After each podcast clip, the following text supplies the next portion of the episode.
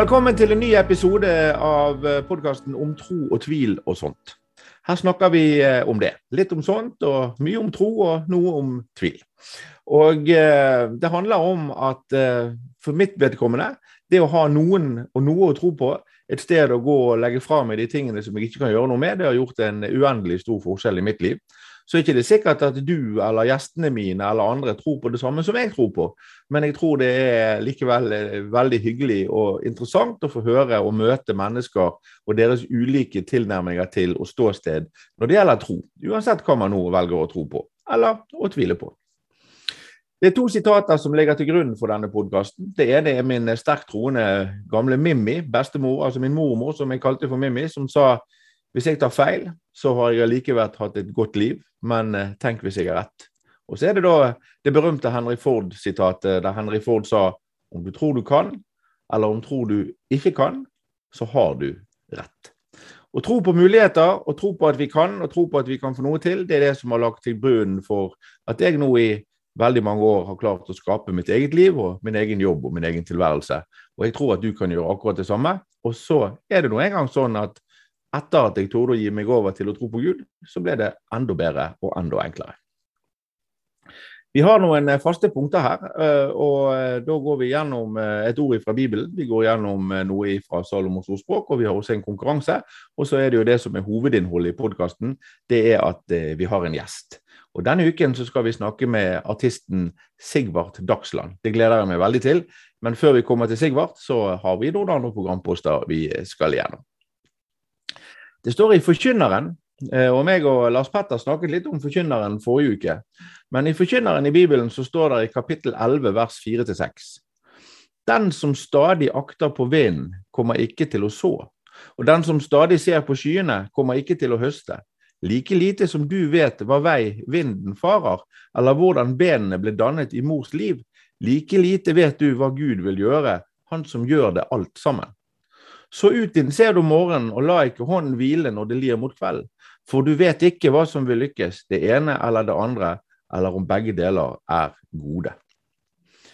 Hva er lærdommen her, da? For det første så lærer det meg eh, å huske på at jeg kan ikke vente til tiden er moden for å starte noe. Jeg kan ikke hele tiden gå og vente og lure på når det passer. Jeg må bare sette i gang. For det er ikke jeg som avgjør om jeg kommer til å lykkes eller ei. Det er en annen en og større kraft som sitter og passer på meg og veileder meg og styrer det jeg driver med. Men hvis du ikke starter, så skjer det altså ingenting. Uten handling, står det bak her, skjer ingenting. Og det er det forkynner fremtid.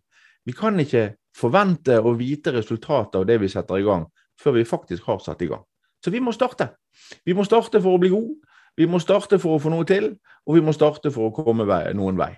Alle reiser begynner med det aller, aller første skritt, men hvis ikke vi tar det skrittet, så kommer vi altså ingen vei.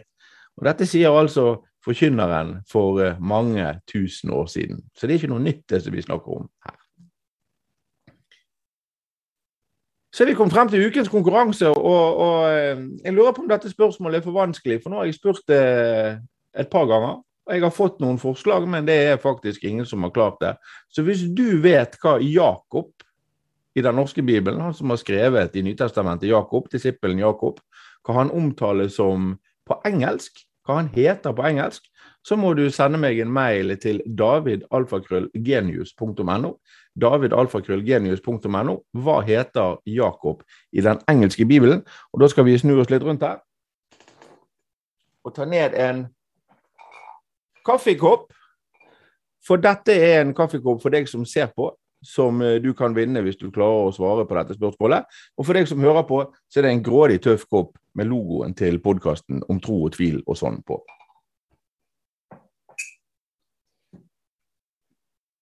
Hver eneste uke så snakker jeg også om Salomos ordspråk. Jeg leser Salomos ordspråk ett kapittel hver dag. Det er 31 kapitler der, så hvis du leser det ett hver morgen, det tar deg ikke fryktelig lang tid, så kan du begynne om igjen måned for måned. Og etter å ha gjort dette i flere år, så finner jeg fremdeles ny visdom i Salomos ordspråk hver eneste gang. Og I dag så er det Salomos ordspråk kapittel 18 vers 10. Og der står det Herrens navn er et fast tårn, til det løper den rettferdige og blir berget. Og hva i alle dager betyr nå det? Herrens navn er et fast tårn.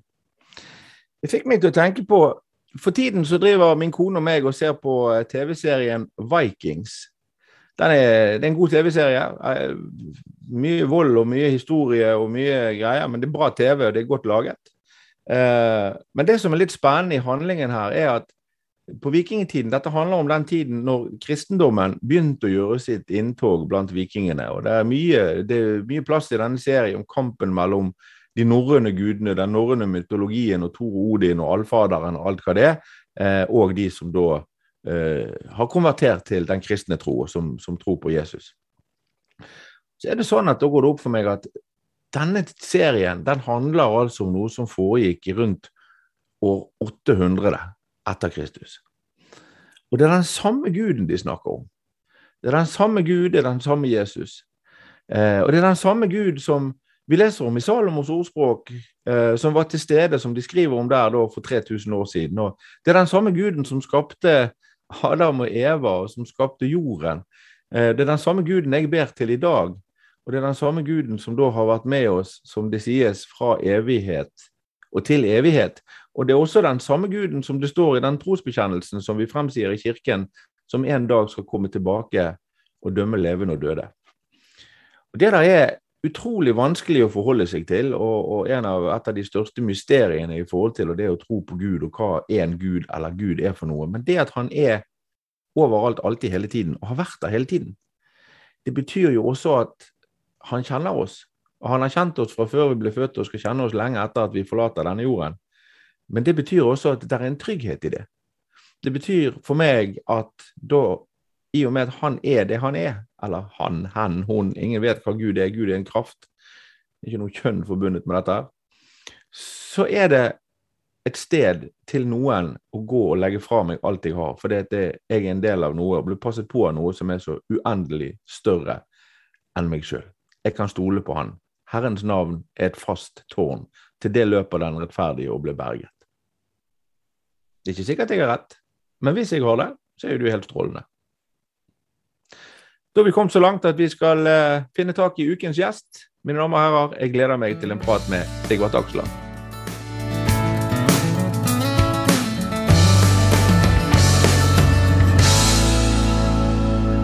Ja, da sitter vi her med Sigvart Dagsland.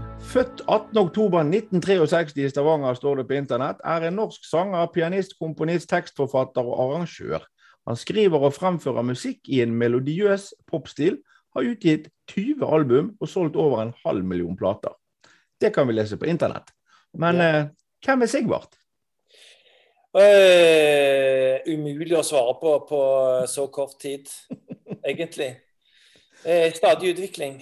Ja, så bra, da. Men du er jo så uendelig mye mer enn en, en, en, pop, norsk popstjerne. Du er far, og du er ektemann, og du er sønn. og du er, ja, du er jo et menneske i livet, liksom. Sant? Så, mm. hva, hva, brenner du for i hverdagen, Sigurd? Nei, Det er liksom sånn at jeg uh, har egentlig hele mitt prosjekt Det er å Du kan si det er jo noen uh, artister som har alter egoer. Altså Siggy Stardust eller hva det er, Lady Gaga. ikke sant? Og det er noen artister som går inn i roller. Uh, mens jeg for min del Eh, har Det å integrere meg sjøl, min musikk, i mitt liv, i min familie, i mine venner, i mine meninger, det er hele mitt prosjekt. Så Derfor er det ikke så veldig stort skille, egentlig, mellom hvem jeg eh, står, fremstår som, og hvem jeg egentlig er. Men når det er sagt, eh, jeg er ikke popstjerne heller. Det er så vidt jeg har vært det kanskje i starten, men jeg er vel en slags songwriter. ikke sant? Mm, mm. En songwriter. Men når det er sagt, da, så brenner jeg for ganske mye. Og um, um, jeg er opptatt av Men jeg er jo familiemann i bånn, og jeg er veldig mine venners venn. Det må jeg si. Mm. Um, jeg er noenlunde politisk interessert. Jeg er uh, opptatt av kulturopplevelser, altså bøker og TV-serier og filmer særlig. Og eh, løser kryssord og er ellers eh, opptatt av mest mulig godt liv. Ja, det, det, der passer jo så fantastisk bra inn i dette som eh, jeg kaller for 'it is all living'. sant? Det er jo uh, sitatet som jeg stjal fra Richard Branson i sin tid, som sa 'I don't call work work and play play'. It is all living. sant? Vi er ikke på jobb her nå. Ja, mm. Ja, det er så bra, vet du. Men så står det også i den samme Wikipedia-artikkelen som jeg siterte til å begynne med, så står det Sigvart Dagsland har tilkjennegjort et kristent livssyn. Det står nesten som en, en, advarsel. Det er jo blitt litt sånn i disse tider at du skal Men eh, hva innebærer det, da?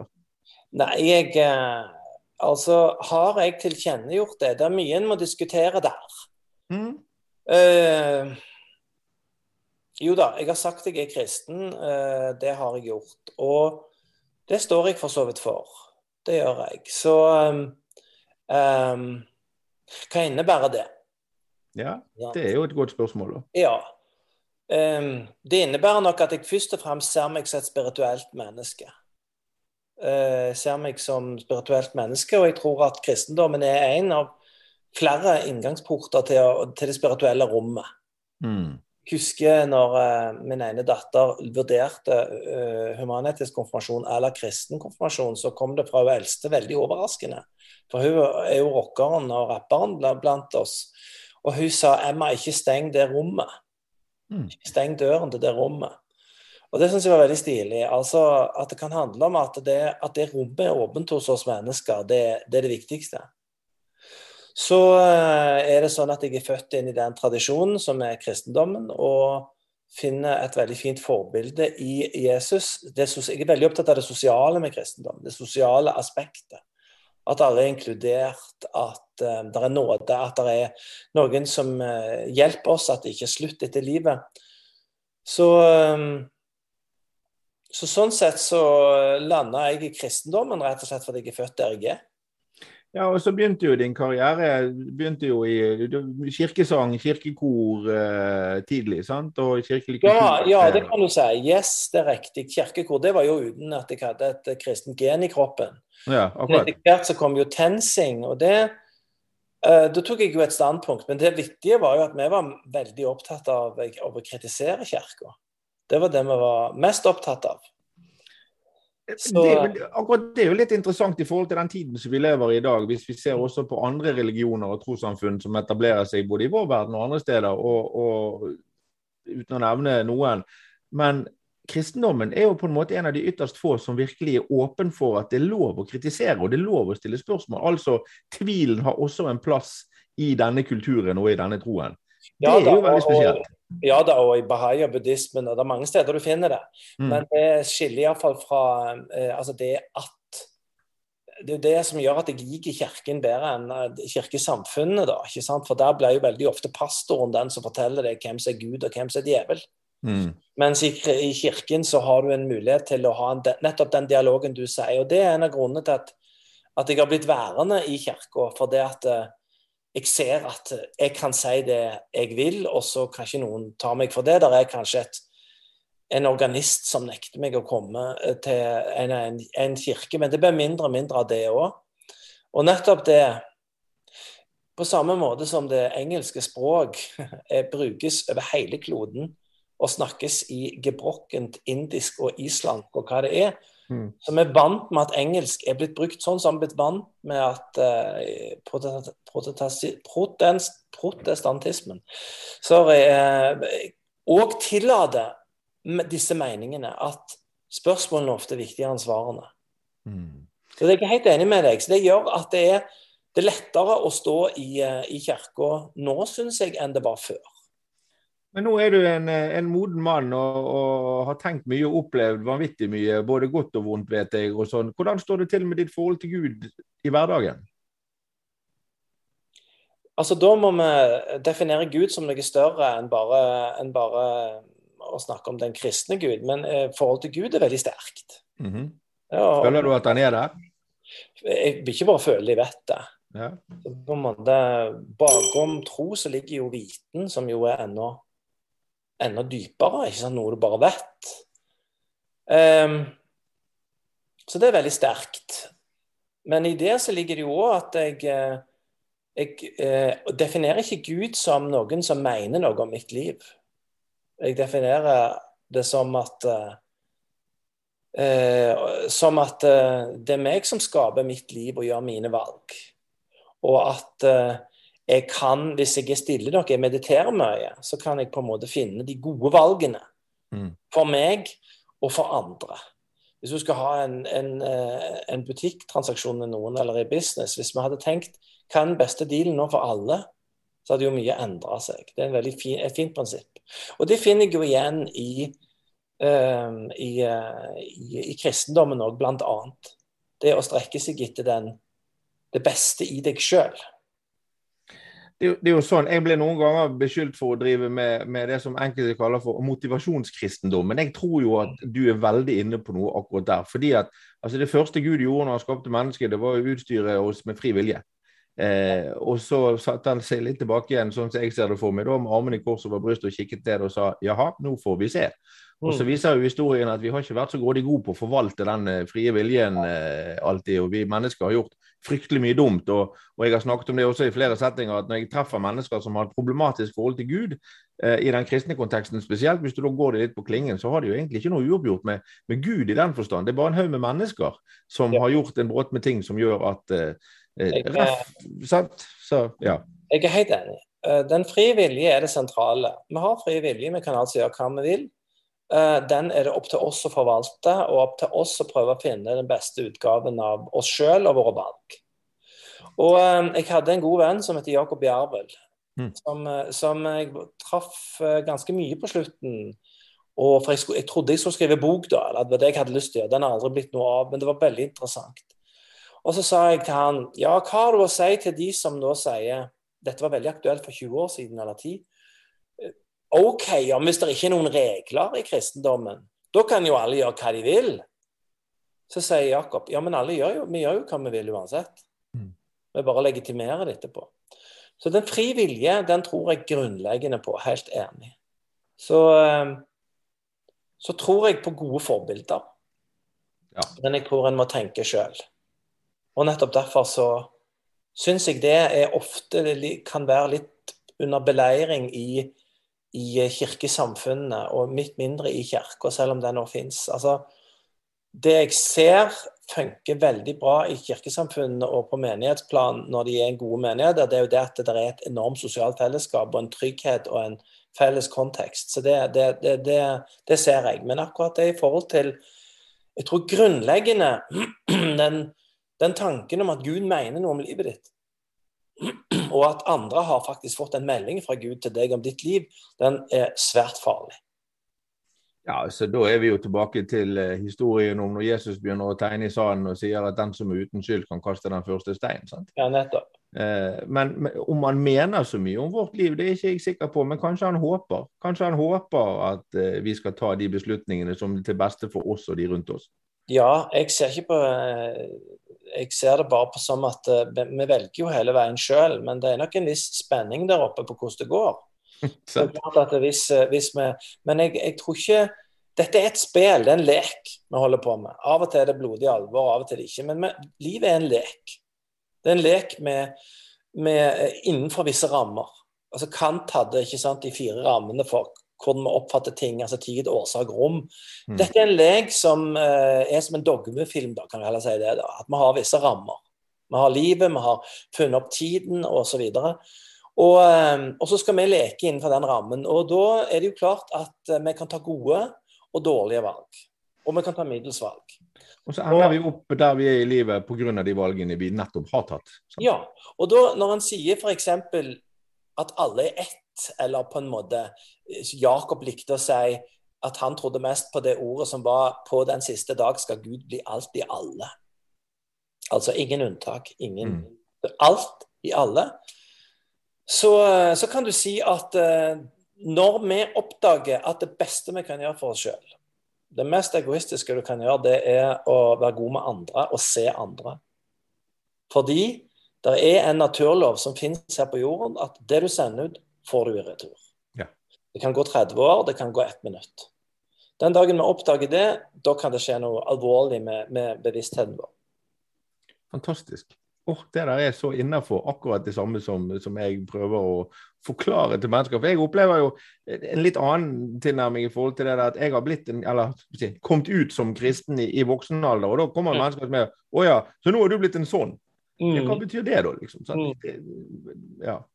Det handler jo bare om at vi finner forbilder og finner måter å leve på. Rett og slett. Eh, rett og slett, ja. Men det heter om tro og tvil her. og, og jeg snakker ofte om jeg sier hvis du vil ha noe annet enn det andre har, så må du være villig til å gjøre noe annet enn det andre gjør. Og Jeg var tolv år gammel første gang jeg hadde min betalte spillejobb på jazzklubb. Eh, du var tolv år gammel første gang du sto i guttesopranrollen i Stavanger Domkor. Eh, og du har bygget et liv og en karriere som er jo helt fantastisk. Eh, jeg er stor fan, for all del.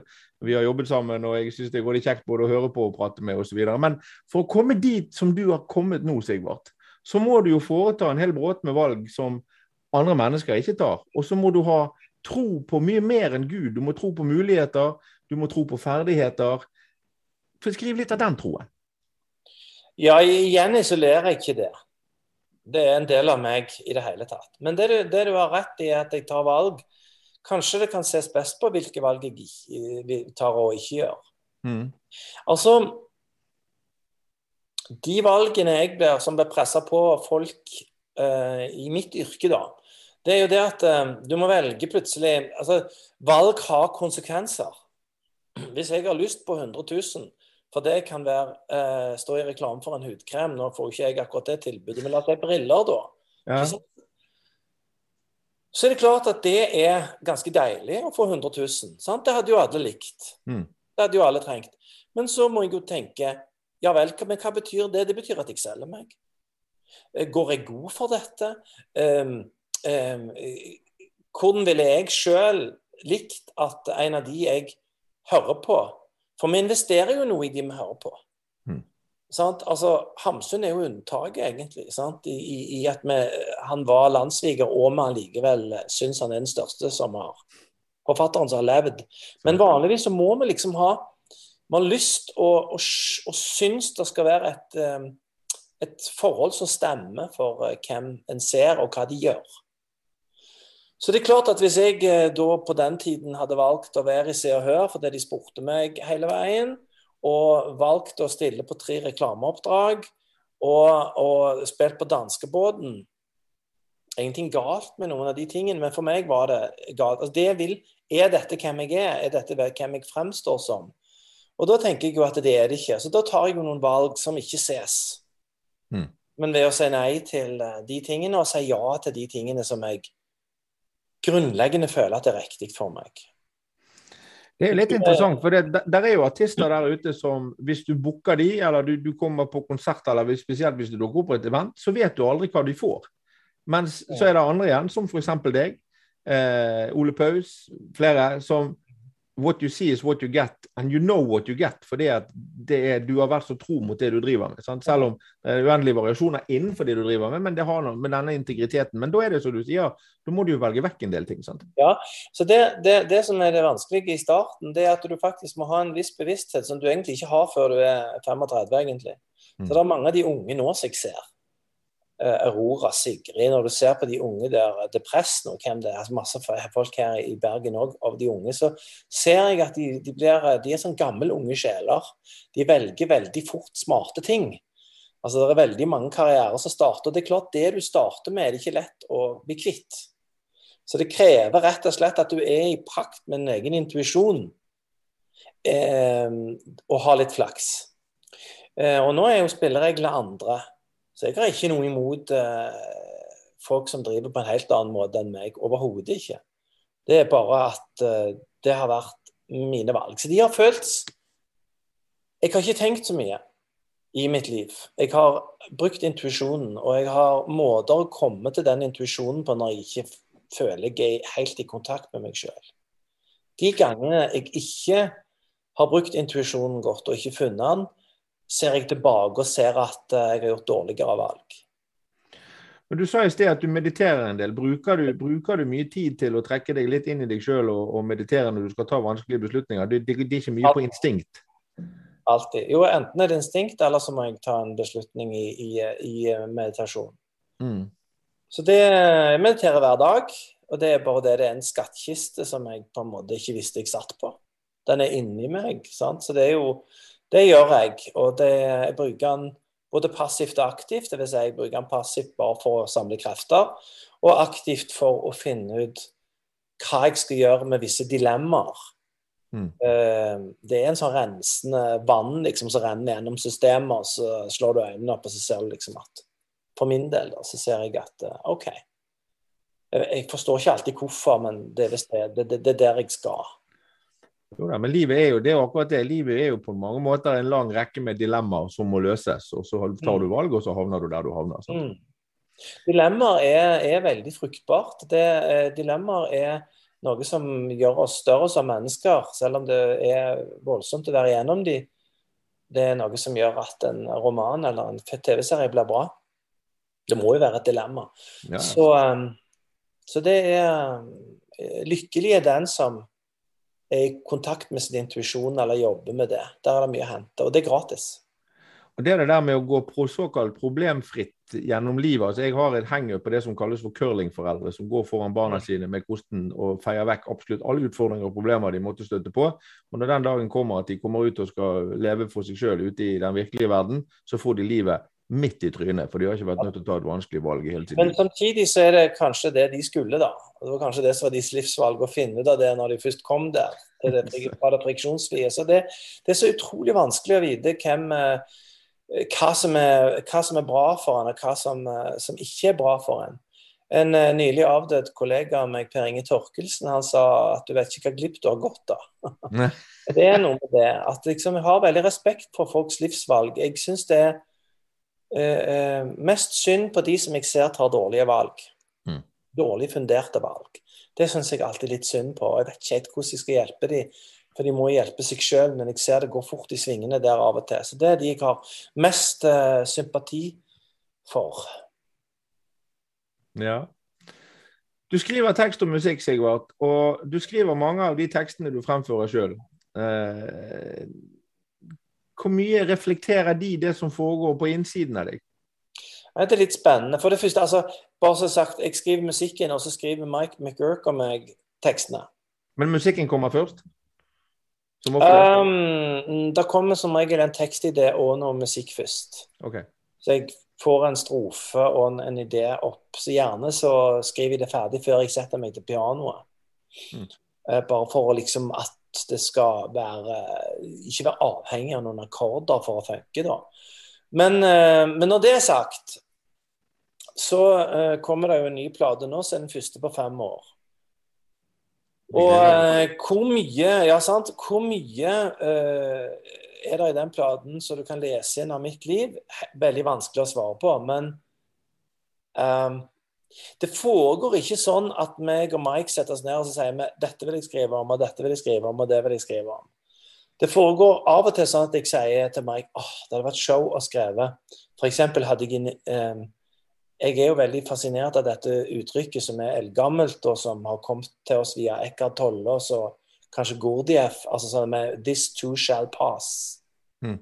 Altså, sant? Det står òg i Gamle testament, ikke sant? I Forkynneren, vel. Altså eh, i, i, Altså liksom Hva det enn er, så passerer det. Det er til trøst når du er i sorg, og det er til vemod når du er lykkelig. Jeg har, jeg har en fantastisk omskriving av det der også, som er enten går det bra, eller så går det over. Ja da, det kan du si. Og, og den er morsom, men samtidig så er det enten går det bra eller går det over, er litt mørkere. Ja, sant. This too shall pass er liksom det å oppdage at jeg tror det mest grunnleggende som kan gjøre mennesket, iallfall meg, lykkelig, det er å oppdage at jeg ikke er mine egne følelser. Altså, hvis det er et sinne i meg, så kan du si 'jeg er sint'. Mm. Eh, hvis du går en liten snarvei omkring lightning process, som de bruker til, til folk som gjerne har ME, som har vært veldig virkningsfullt, så er de jo enormt opptatt av språk. Istedenfor å si 'nå er jeg sint', så sier de 'I do anger'. Altså Nå er denne situasjonen sånn at jeg velger å bli sint. Det er noe helt annet. For da er det et valg inne i bildet. Mm. Og da plutselig har du en avstand til dine egne følelser. Og hvis du tenker på å se følelsene som noe som renner gjennom deg. Å ja, her skjer det ting. Her er jeg sint, ja. Med en gang du har den observatøren til stede som gjør at du er ikke emosjonen helt, da er det veldig spennende. Det, jeg hadde lyst til å skrive noe enkelt om det. Og det plutselig poppa opp i hodet mitt. Vit at det går over. Sant? Den singelen som, som, kom i januar fra den nye mm. Eh, men det gikk et år eller to eller tre før jeg hadde sagt det til vi skrev den. Så, så, det betyr at alt jeg skriver, er egentlig intuitivt. At det kommer bare noen tanker. Og så kan det hende vi oppdager da Oi, ja, det er det vi skal skrive om. Ja, det blir bra. Det blir bra. Så diskuterer vi hvordan hovedpersonen oppfører seg, eller hva som skal skje av utvikling i verset. Men vi er liksom litt tro mot den første tanken. Eller den første intuisjonen, liksom. Da er spørsmålet som naturlig følger i forhold til det. For jeg, jeg, bruker ofte en lignelse som sier du klatrer opp i en stige. Klatrer du opp i stigen for å se på verden, eller at verden skal se på deg? De tekstene som du da skriver, og det budskapet du har, er det fordi at du har behov for å formidle noe? Eller er det fordi at du ønsker at folk skal oppfatte noe? Eller en blanding av begge deler? Nei, det er bare dype Det er historier som kommer fra meg. Mm. I skriveprosessen så vet jeg at noen ganger en gang, en periode i mitt liv så var jeg opptatt av å ha suksess. Mm.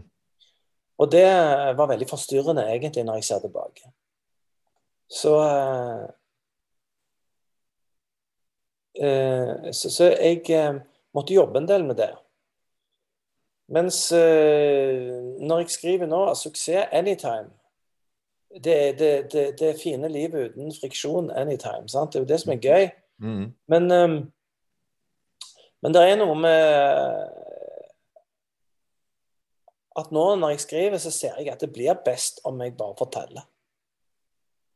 Og når jeg mener forteller, så mener jeg både musikk og, og tekst. Så, så, det er bare fortellinger, og det eneste jeg stiller krav om, og vi stiller krav om, det er at det må stå noe på spill. Ellers trenger du ikke å skrive. Altså, det må være noe i teksten som gjør at det må stå noe for spill for den personen, om det er meg i teksten. altså På den nye plata så åpner de jo med elefanten i rommet, hvor, hvor, det er et par som åpenbart ikke snakker sammen, som fortier så mye. Mm. Og i låt to så skjer det noe fysisk med hovedpersonen, og i låt tre så, så er det meg som sier at uh, er det bruk for meg lenger? Jeg føler meg som en dinosaur fordi jeg er 57, og streaming er tingen, og bladene ute. sant? Så det er på en måte i alle de tre så er det virkelig noe litt farlig å lure. Og det, det liker jeg at det er. Så ja. Jeg vet ikke om jeg svarte på spørsmålet ditt. Jo, for så vidt så gjorde du det. Ja. Noenlunde. men, men, men det, det, du forteller meg, det er at du både ønsker å fortelle noe, og at du ønsker at folk skal forstå det du forteller. Sant? Altså, det er ikke, det er ikke enten-eller. Jo, det er bare at jeg vil fortelle noe. Mm. Og så kan du si, når det skal gis ut, så vil jeg jo at flest mulig skal høre det. Noen ganger er det meint for få, og noen ganger er det meint for mange.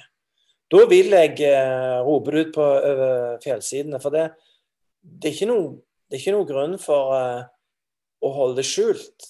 Og det jeg gjør, er jo helt avhengig av publikum.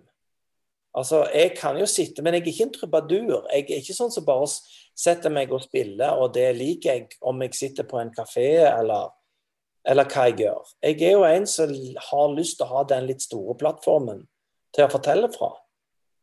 Til iallfall, For å si det på en annen måte, jeg har ikke lyst til å legge begrensninger for det sjøl. Nei, nei. Og, og, og, og, jo, men du har behov for å få det ut. Og vi vil aldri se Sigvard Dagsland på sjøboden med en kassegitar i hånden. liksom. Det, det... Nei, det er flere grunner til det. Jeg, eh, det meste er at jeg spiller ikke gitar. men, men, altså Ingen av de som holder på med det jeg holder på med, har, er bevisstløse om at de vil nå til mange. Mm. Men, men, men, samtidig, Sigvard, ja. du, du, er jo ekstremt detaljfokusert også. altså Du er opptatt av av de små tingene. Når du hører på låtene dine, der er, der er små lyder, der er korte strofer, instrumenter som bare er innom for å legge en effekt. Når du hører på tekstene dine, så er det helt tydelig at det er gjennomarbeidet med, med punktum og komma akkurat der de skal være. Du, du, er liksom du er veldig veldig nøye på en del ting. Jeg kan, altså, En sann historie fra virkeligheten er at jeg en gang har stått helt alene midt i Grieghallen og måtte ta stilling til om en stålampe skulle stå ved siden av eller på et gulvteppe når du og Karoline skulle ha konsert. Altså, Ja. Detaljer er viktig. sant? Mm. Eh, og da er det tilbake igjen til hvis du vil ha noe andre ikke har, så må du gjøre noe andre ikke gjør. Sant? Hvor viktig er det for deg å gjøre det, de små, små tingene helt rett? Nei, det er ikke viktig i det hele tatt. Men det som er viktig, er at Altså, jeg har en, eh, jeg har en venn som er forfatter, og han sier at han ser i farger, og det er jo et Jeg husker ikke akkurat hva det heter, men han ser ting i farger. Mm. Altså si at han kan se at nå skrev han en bok, og den er i, i, den er i grønn. Så han har på en måte plutselig sånn na, Naturlig at hvis det ikke er grønt, så passer det ikke inn i boken. Altså Han har en sånn følelse av det, og det er samme med meg. Jeg er på jakt etter hva all verden skal dette bli, og jeg ser ikke låten ferdig, men når vi er i studio, når vi jobber, så vet vi at alt som forstyrrer det Vi må finne fram til fortellingen akkurat her. Vi må Mm. finne fram til at det låter akkurat sånn som planen er i et stort bilde. Så det er ikke det er ikke pirking, men det er bare for at alt skal snakke i samme vibrasjon og farge. Det er rett og slett det det er. Så det er jo Karoline som er spesielt opptatt av stålamper eh, på, scenen. Der er jo jeg eh, veldig lite opptatt av det, da. Men i forhold til hva jeg sier på konsertene og, eh, og i forhold til studio og alt det, så er jeg veldig tilhenger av å slippe løs de fantastiske musikerne. Og, så er, og da jakter vi bare på hva er det som vi tror passer inn i den fargen som akkurat denne sangen skal ha. Mm. Og da gir jeg meg ikke før jeg er ferdig. Samme med tekster når Mike og meg skriver. Eh, vi har et enkelt prinsipp. Begge må være enige. Det er veldig enkelt. Det betyr jeg kan ikke fortsette å si ja, men jeg vil gjerne skal være sånn. Det kan du ikke. For hvis vi ikke er enige, så må vi rygge ut, og så må vi finne noe begge er fornøyd med. Og da får du kanskje den formuleringen da, som gjør at sangen når fram. Tenk, tenk om flere mennesker kunne drevet både business og ikke minst ekteskap og, og husholdninger og alt mulig med det prinsippet. Begge må være enige, og vi må jobbe frem til vi kommer til en enighet. Da hadde livet vært et mye bedre sted å være. da. Ja, jeg er helt enig, så lenge begge har samme motiver, selvfølgelig. Ellers Selvfølgelig, det må jo ligge i bunn. burde trille rundt. Men Mm. eh, ja, jeg er helt enig. Det er, det er et egentlig ganske enkelt prinsipp, og det er Det føles som det gir mer enn det tar. Mm. Sigvart, I 2018 så var du eh, utsatt for en eh, forferdelig trafikkulykke. Eh, og jeg Mm. vet at det var, det var tett på, for å bruke det uttrykket. Mm. Du har gjort mye for å komme tilbake igjen, både fysisk, men sikkert også mentalt. Hva, hva har du trodd på i den prosessen? Um, nei, det var jo en, en vanvittig opplevelse. Det er jo et sjokk som sitter i resten av livet. Det var det. Så, uh, men det var en vilje som kom. Altså, der må jeg jo bare svare at eh, for å være helt ærlig, så husker jeg når jeg lå på intensiven, klarte jeg jo ingenting, selvfølgelig. Men kanskje dag fire-fem, så um, hadde jeg det jo svært ille og veldig vondt. Men uh, da klarte jeg å meditere. Mm. Og så så jeg at alt ville ordne seg. Jeg så at jeg ville Altså, jeg bare visste det. Så det. At dette, dette er realistisk. Og at jeg kan gå igjen, og at jeg kan eh, få et eh, Faktisk bli helt kvitt alle plagene som jeg fikk. Og så snakket jeg med kirurgen. Uh, og så sa, sa kirurgen at dette ordner seg. Dette tror vi ordner seg. Og de to tingene sammen, selvfølgelig. Men det, det, altså, med en gang jeg hadde meditert, så hadde jeg en visshet om det. Visste jeg at det kom til å bli bra. Og så kom jo veldig mye vilje hos meg inn. For dette, det er klart, du kan jo Det er jo litt spennende hvordan vi reagerer i sånne situasjoner. Eh, faller vi helt sammen, eller? For min del så, så var det en veldig vilje til stede da. I å bli I å Hva skal jeg si? I å komme til målet fortest mulig. Altså gjøre all treningen og sånn. Eh, til det der med, med å leve, som vi sier at vi har snakket om at Sigvart er Sigvart, og alt er en del av den samme pakken, så er det klart at vilje må jo være en veldig stor del av deg, uavhengig av ulykken òg. Fordi at du har kommet dit du har kommet og gjort det du har gjort, så må du ha mye vilje i deg. Ja, det har du jo helt åpenbart. Ikke, ja, jo, jeg tror jeg har det. Um, jeg har òg en veldig sånn Jeg er òg opptatt av at hvis eh, dagene var forferdelige, så måtte jeg slippe det til. Det er jo både Karoline og meg har det som prinsipp. Mm. Altså, for dette Igjen, hvis du prøver å motstå det, så kom, popper det opp på et eller annet punkt uansett. Og så er det jo da å ha evnen til å ikke dvele ved det. Altså at du skal stoppe på et sted òg. Og så skal du gå videre? Ja, og der er jo jeg anlagt uh, ganske praktisk, egentlig. Rasjonelt, kan du bruke det ordet. Mm. Uh, så, så, jeg vet at folk som veldig kan bli værende i følelser, altså veldig følelsesstyrt, må jobbe hardere enn meg for akkurat den biten der. Jeg har holdt et foredrag mange ganger og skrevet mye om det. Jeg har et uttrykk som heter 'Kan du gjøre noe med det?' Eh, og Oppfølgingsspørsmålet er da hvis, hvis, du kan gjøre noe med det, er du villig til å gjøre det som skal til? Og jeg tror at det, For meg har det vært et verktøy som har, har hjulpet meg grådig mye. Kan jeg gjøre noe med det? Nei. Nei vel, da må jeg legge det vekk. For det er så mange mennesker som bruker så vanvittig mye tid på ting som de overhodet ikke kan gjøre noe med. Ja, det er, jeg tenker også sånn, Vi har òg en, en saying i vår familie, meg og Karoline det er lov å, klage, å ta opp noe og klage én gang. Det er lov å ta det to ganger. Men tredje gang, da må du gjøre et eller annet. Det å klage, altså, Da må du liksom enten løse det, akseptere det Hva er det tredje? Løse det, akseptere det, ta det opp. Du må i fall, du kan ikke fortsette å være i klagemodus. Nei. Og Det er jo det problemet ofte bedrifter òg har. sant? Hvis de har en leder og du har en struktur blant de ansatte som gjør at de ikke tar ting opp der, men de tar ting sidelengs hele veien. Da blir det dårlig miljø, da? Da blir det dårlig miljø. Men når du har, noe, når du har det vanskelig, og, og, sånn, går du til Gud? Praktiserer du bønn, eller er det en del av meditasjonen? Din? Ja, ja, hele veien. Ja. Absolutt hele veien. Det vil jeg si. Jeg lever, lever veldig uh... Altså, jeg, eh, det er noen som har sagt at bønn er å prate til Gud, og meditasjon er å prate med Gud. Mm. Eh, så eh, jeg opplever det sånn. For å være helt ærlig, så gjør jeg det. Interessant. Kanskje jeg må lære meg å meditere. Det har jeg aldri gjort. Nei, det er jo Altså, alle må jo ikke det, men jeg tror, tror det at verden hadde vært et bedre sted hvis flere hadde gjort det. Og jeg tror men altså, det er forskjellige måter, så en må liksom finne sin. Det er noen som er veldig som må, altså som Hvis de bare skal sitte der og så ha visuelle ting, så er det ikke den typen som bare flipper de, altså Så får de ikke festa noe. Men så er det jo etter lyd, etter snakking sant? Det er forskjellige måter da. Så en må liksom finne sin måte, da. Kan jeg spørre hva du gjør? Ja, jeg gjør litt sånn uh, Free Nelson Mandela-style, tror jeg. Altså, jeg har lært av et par Jeg har noen veldig fysiske ting jeg gjør først der jeg sitter. Uh, altså, det må være rolig, helst. Og så har jeg noen fysiske trinn, type 10-12 trinn, jeg gjør. Og det er jo egentlig bare trinn for å det er ikke så viktig hvilke de er, men det er viktig at det er noen som er logiske for å lukke oppmerksomheten min. Ja. Så at til slutt har oppmerksomheten min der.